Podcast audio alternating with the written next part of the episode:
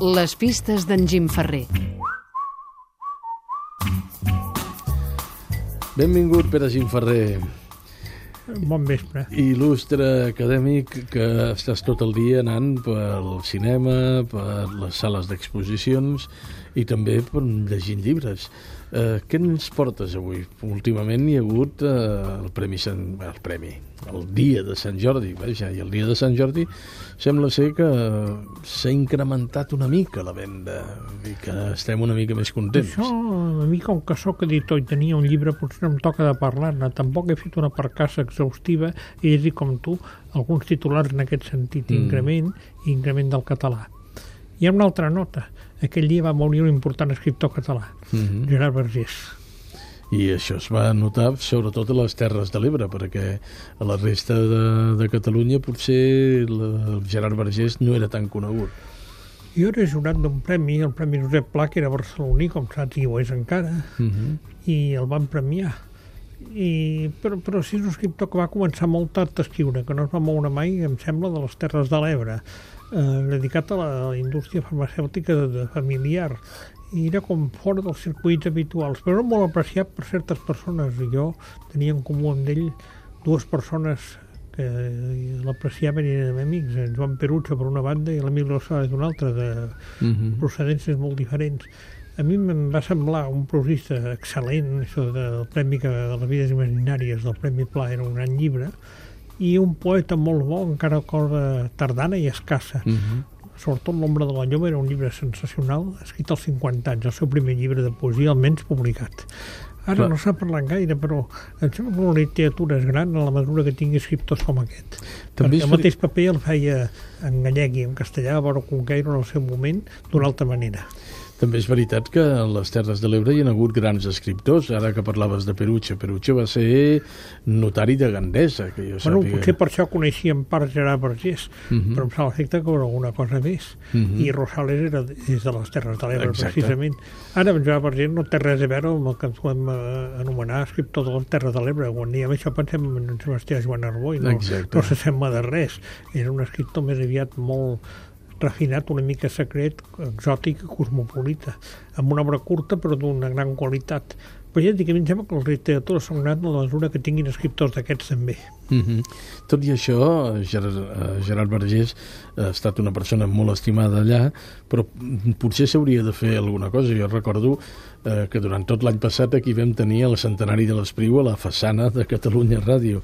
Home, no es tracta de que cada dia posem un llençol, però eh, el fet és de que potser Gerard Vergés necessitaria una divulgació, encara que sigui post-mortem, de la bueno, seva la seva obra. obra és reduïda i està divulgada, encara que hi ha un detall.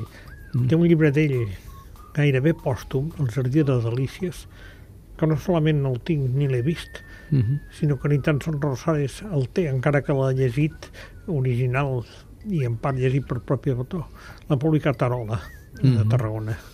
Clar, el fet de que hi hagi una obra petita tampoc vol dir res, perquè Jaime Gil de Viedma no va escriure gaire, No, precisament. no, va escriure molt poc, precisament, encara que si sumes la prosa una mica més. L'obra poètica és curta. Uh -huh.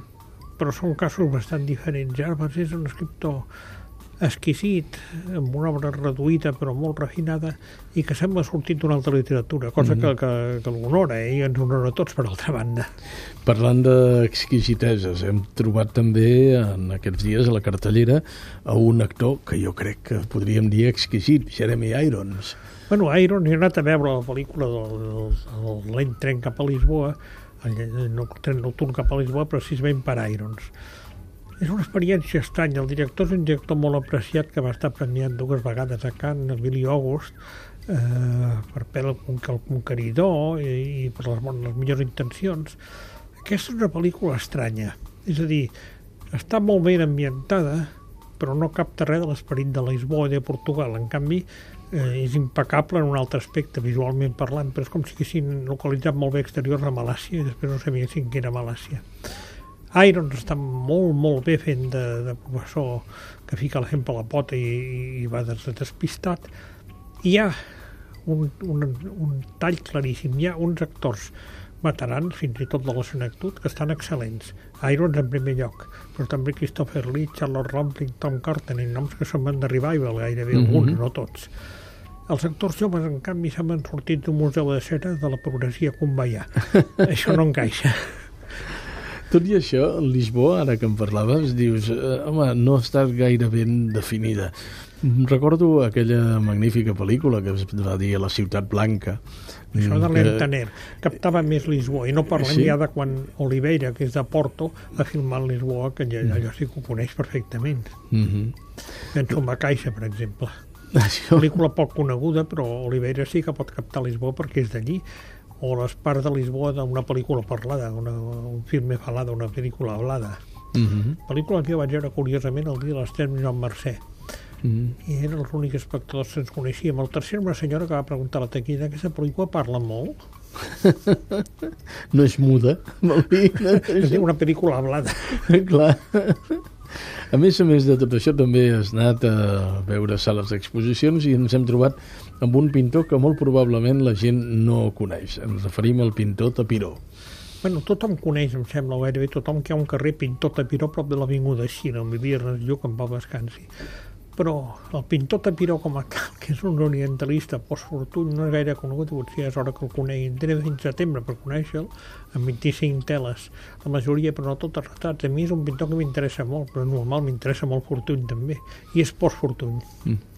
Eh, aquest orientalisme és un orientalisme que s'acaba en el Mitjà Orient o que va més enllà?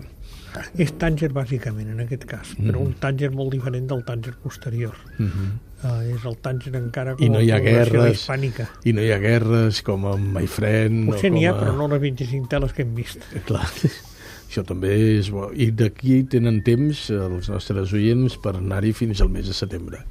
O sigui que si volen anar de vacances a Tànger, en comptes d'anar de vacances a Tànger, que sempre serà una mica més car, que vagin a veure l'exposició del pintor Tapiró. 25 teles, eh? Mhm. Aviat està vista, però té qualitat. I amb una mica de sort poden veure de passada coses de Viladomat, que ara aviat començaran a parlar de Viladomat amb el centenari. Pere Gimferrer, moltes gràcies per les teves pistes i les seguirem. Gràcies. Adéu-siau. Molt bé.